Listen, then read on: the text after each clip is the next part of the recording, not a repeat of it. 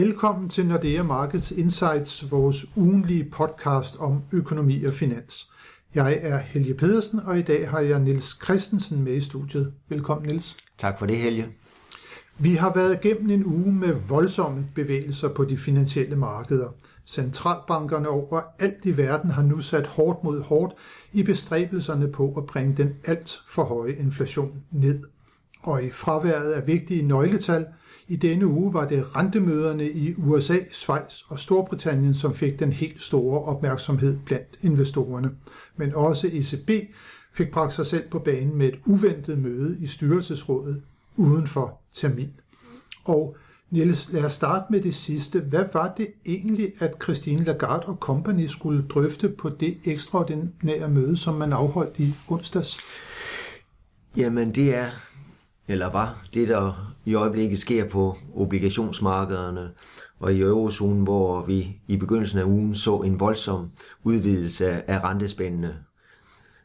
De lange renter i alle eurozonens lande steg kraftigt, men de steg ind, øh, allermest i de sydeuropæiske lande, øh, og det er den udvidelse af rentespænden, som bekymrer ECB.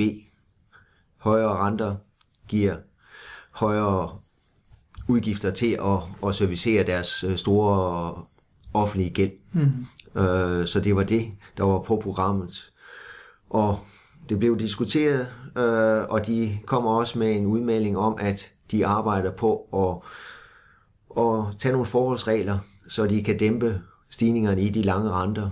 Øh, detaljerne må vi væbne os lidt med tålmodighed, men for markedet var det også nok at høre intentionerne om, at at man vil, som sagt, dæmpe øh, det opadgående pres på de lange renter i eurozonen. Ja, fordi vi har jo set, at renterne har bevæget sig lidt nedad, og de der kraftige spændudvidelser, som vi så op til mødet, jamen de er også gået noget i sig selv, i hvert fald må man konstatere. Ja, så, så den her verbale intervention i markedet, den, den har altså virket? Den, den har virket og haft sin den tilsigtede effekt på renterne i eurozonen. Så i hvert fald her seks dage efter, at det var, at ECB afholdt sit ordinære møde, så var der et ekstraordinært møde, og man kan jo godt sådan set i bagspejlets øh, kloge lys øh, måske vurdere sådan, hvorfor har ECB ikke forberedt sig lidt bedre, altså fordi det skaber jo altid sådan lidt nervøsitet øh, i markederne, når det er, man indkalder til ekstraordinære møder, og kunne de ikke have haft planen klar for, hvordan vil man håndtere de her spændudvidelser allerede på deres ordinære møde, som jo som sagt blev afholdt i sidste uge. Jamen helt rigtigt, og jeg tror, det var lidt en understatement, når du siger, at det skabte lidt røre på, på obligationsmarkedet. Det skabte rigtig meget røre via udsving i de lange 10-årige renter på både 20 og 25 basispunkter mm. inden for den samme handelsdag. Og, og det, det er jo uhørt stor, store udsving. Øh, og man kan også bruge et andet udtryk, uhørt stor nervøsitet i markedet. Øh, og det bliver så lidt foranledigt også af, af ECB's udmelding, øh, om at de så også udtrykker, hvad skal man sige, at, at noget er galt. Mm. Øh, så, men det er ikke bare, hvad hedder det, uh, rentemarkederne, der er nervøs i øjeblikket. Vi ser det jo også på aktiemarkedet. Der skal ikke meget til, før så ser vi store fald og udsving, øh, og det samme gælder for, for den tags skyld på valutamarkedet. Og det er jo rigtig meget, fordi at markederne endnu ikke er helt klar på, hvor meget skal renterne rent faktisk sættes op, før det er, at man får bukt med inflationen, og så hvad bliver konsekvensen også for realøkonomien? Altså risikerer vi at se økonomierne køre ind i recession som følge af rentestigningerne. Og Niels, øh, der kom jo en kraftig rentestigning, må man sige, øh, her i onsdags fra den amerikanske forbundsbank. Der satte man renten op med hele 3 kvart procentpoint. Der skal vi helt tilbage til 1994 for at finde en tilsvarende stigning. Var det ventet, at man ville komme med denne her kraftige rentestigning, og hvordan tog markederne udmeldingerne fra J. Powell og Company? Ja, for så vidt var det ikke ventet, at der ville komme en renteforhold på 75 basispunkter. 50 basispunkter var sådan konsensus først på ugen, og, øh, og først på ugen øh, lige efter vi havde fået øh, et meget højt inflationstal fra den, fra den amerikanske økonomi øh, sidste fredag. Men det, der så skete mandag, var, at i den amerikanske erhvervsavis Wall Street Journal var der en artikel, der lige pludselig næsten skrev, at selvfølgelig blev det en 75 øh, basispunkter renteforhøjelse, øh, og så gik, gik spekulationerne jo hurtigt på, om der var en kilde i, i den amerikanske centralbank, som havde følt sig nødsat til at, og, hvad skal man sige, plante, øh, plante det i, for at og ligesom varsko markedet om, at det var altså det, som var i vente. Så alle rettede sig ind til, at det skulle, der skulle komme en, en renteforhold, og ikke på 50, men som sagt på 75. Så da den endelig kom onsdag, var det sådan set ikke nogen overraskelse.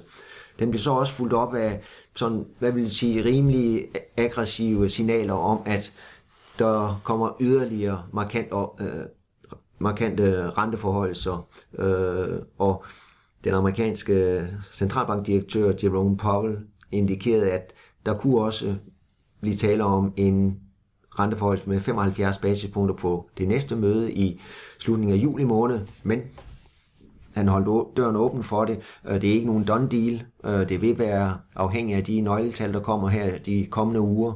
Øh, men det skal nok trække meget den anden vej, for at de ikke også leverer en 75 basispunkter renteforhold til juli måned. Og så må man sige, at 75 nu, 75 i juli, og allerede 75 basispunkter på forhånd, ja.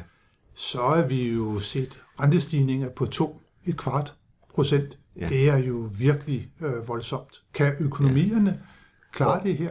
Og vi har nok heller ikke set de sidste, selv med det. Øh, vi regner med, at der også kommer hen over efteråret, ikke med 75, men så trapper Fed måske, forventer vi ned øh, til 50 et par gange, og, og, og så slutter året i december måned på det møde, som afslutter året med en sidste forhøjelse på 25 basispunkter. Så vores skøn er, at vi kommer op omkring de 3,75 øh, mod slutningen af året. Og det er jo voldsomt, Niels, øh, må man sige, når man kommer fra så lave niveauer, og hvor at markederne, og herunder også boligmarkederne, jo gennem lang tid har tilpasset sig et meget lavere renteniveau. Ja. Vil det her være tilstrækkeligt, tror du, til at man kan få inflationen banket ned? Og man skal jo næsten stramme pengepolitikken så kraftigt, at det er, at man får virkelig dæmpet den økonomiske aktivitet. Ja. Øh, ligger der sådan lidt øh, måske øh, recession, eller der ligger i hvert fald noget afdæmpning i, i kortene? Det, det, det, det skal der jo til. Ja, og det var også det øh, fedt øh, i deres øh, forventninger til økonomien øh, fremlagde, at de regner med, at væksten i USA i år kommer til at blive på, på 1,7 procent. Øh, så det er jo ikke øh, voldsomt højt. Og, øh, men netop du, nu nævner du boligmarkedet. Øh, i at finansiere sit hus i, i USA, der skal man altså helt op på 6% øh, i rente øh, for en, en 30-årig, mm. hvad hedder det, øh, realkreditobligation i USA. Og det er klart, at det, det, det lægger en, en stor dæmper på øh, både boligsalg og også øh, hvad hedder det, nyt boligbyggeri i, mm. i USA og, og ved vækstdæmpende. Mm. Ja, for vi ved jo notorisk, at boligmarkedet det er sådan noget, som hele økonomien på en eller anden måde cirkler rundt omkring. Så det bliver spændende at se, øh, hvad der kommer til at foregå i USA. Og så var der jo faktisk også to ret interessante rentemøder i øvrigt i denne her uge i Europa. Det var i, i går, det var torsdag, øh, hvor både øh, Schweiz og, og, og i Storbritannien, at der, der mødtes man for at diskutere renten, og man satte renten op begge steder, Niels. Ja, det var forventet, at øh, Bank of England ville komme med endnu en renteforhøjelse, øh, og de kom med en forhøjelse på 25 basispunkter som forventet, så de overraskede ikke ved at, at hæve med, med mere end forventet. Øh, men øh, i deres, hvad skal man sige, retorik indikerer de klart, at de er også klar til at, at stramme mere kraftigt op, øh, for de må også erkende, at det det inflationære pres, der er i den britiske økonomi, det er voldsomt i øjeblikket. Inflationen i Storbritannien landede på 9% i, i maj måned, og Bank of England de forventer faktisk, at den bliver tocifret her i, i løbet af de kommende måneder, op på 11% af deres øh, vurdering. Øh, så derfor ser de jo, så er også nødsaget til at fortsætte øh, den pengepolitiske øh, opstramning, som de jo som den første begyndte mod slutningen af sidste år, og så har jeg faktisk fortsat øh, på, på alle de rentemøder, vi har haft i år, så vi har fået fem renteforholdelser fra mm. Bank of England. Øh, men som sagt, det lå i korten, at de overvejer øh, at hæve renten med 50 basispunkter næste gang. Det er også interessant, fordi øh, Bank of England øh, her i, i løbet af foråret var den første centralbank, der begyndte at udtale sig eller ytre bekymring om, om der nu kunne blive risiko for recession, når man nu strammede op med pengepolitikken. Øh, men de har altså øh, afvejet, at, at hensyn til at dæmpe inflationen vægter højere end risikoen for at, at sende den britiske økonomi i recession, i hvert fald for, for nuværende. Men det har jo også noget at gøre med centralbankernes mandat, øh, for det er jo overvejende inflationen, som de skal kigge på. Ja. Den amerikanske forbundsbank skal også sikre, at der er fuld beskæftigelse, og det er der jo. Så det er jo sådan set relativt simpelt, om man så kan sige, det regnestykke, man bliver nødt til at fokusere på at bekæmpe inflationen. Jamen det er rigtigt, altså der er fuld beskæftigelse i Storbritannien, der er fuld beskæftigelse i, i USA, og ikke nok med, at der er fuld beskæftigelse, der er også mange ledige stillinger. Øh, så begge steder er arbejde, øh, arbejdsmarkedet meget stramt, og vi kender det herhjemmefra. Mm. Øh, så derfor kan man sige, at, at centralbankerne med en vis ro i sinden kan tillade sig at, at stramme pengepolitikken op og gøre det så kraftigt, som de lægger op til. Ja, for deres bekymring er vel, at hvis de tøver længere tid, end de allerede har gjort det, jamen så begynder inflationsforventningerne måske at bide sig fast på et højere niveau, ja. end det, der er tilsigtet. Ja.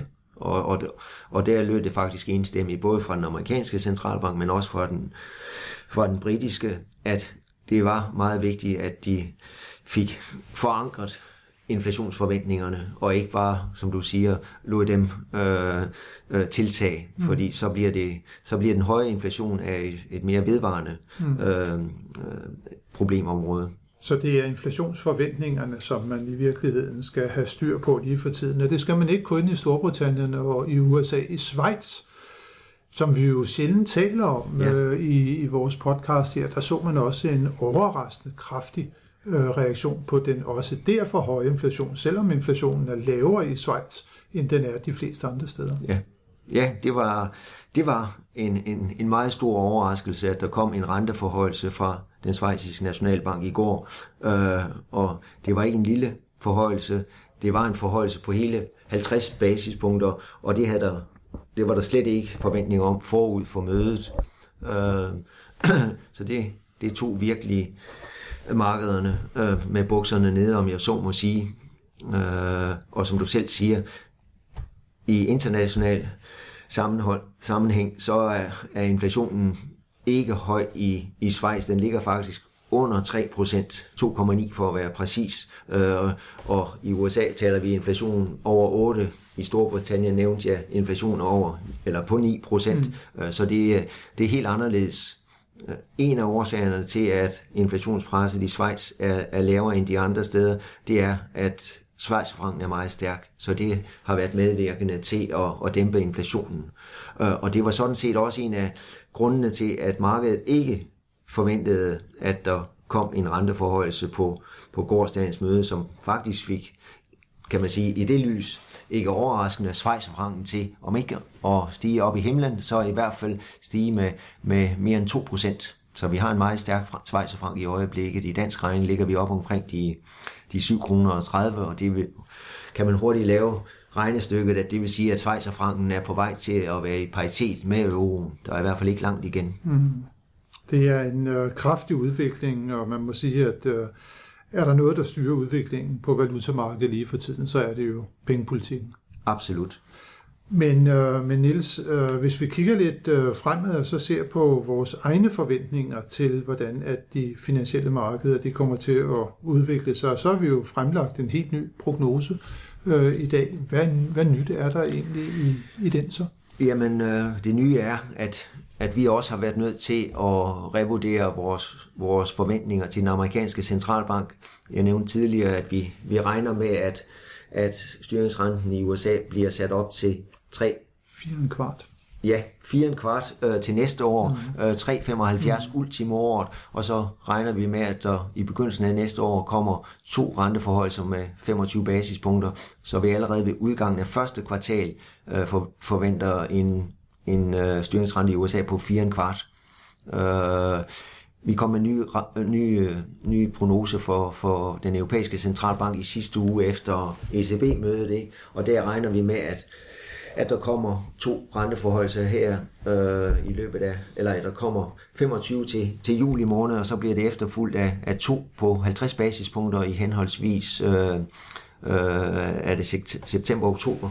Øh, og så kommer, hvad hedder det, ECB med, med forholdelser på 25 basispunkter, for, og der tror vi på, at, at toppen bliver 1,75, øh, og det er jo så altså fra minus 50 i dag. Mm. Så også en pæn op, opstramning af den europæiske pengepolitik, ikke så kraftig som øh, i USA. Og det er også derfor, vi fastholder vores syn på dollaren, at det er dollaren, der vil have overtag på valutamarkedet, i hvert fald her i anden, anden halvår i år. Øh, og der har vi jo gennem længere tid forventet, at vi kommer til at se, at dollaren kommer til at handle i paritet med euroen, og ja, så i dansk regning vil det sige, at vi forventer, at dollaren kommer op i 7 kroner og 44. Øh, tager vi de lange briller på, jamen når vi så har set toppen øh, af rentestigningen i USA, altså i begyndelsen af, af 23, så regner vi med, at dollaren får det svært i 23 og falder tilbage, også på ryggen af lavere økonomisk vækst.